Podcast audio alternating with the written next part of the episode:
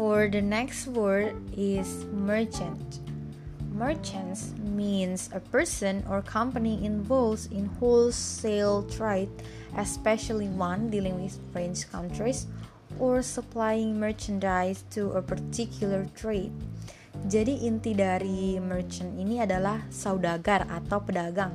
Biasanya berhubungan dengan pedagangan atau pedagang yang menawari dan menjual barang kepada orang lain.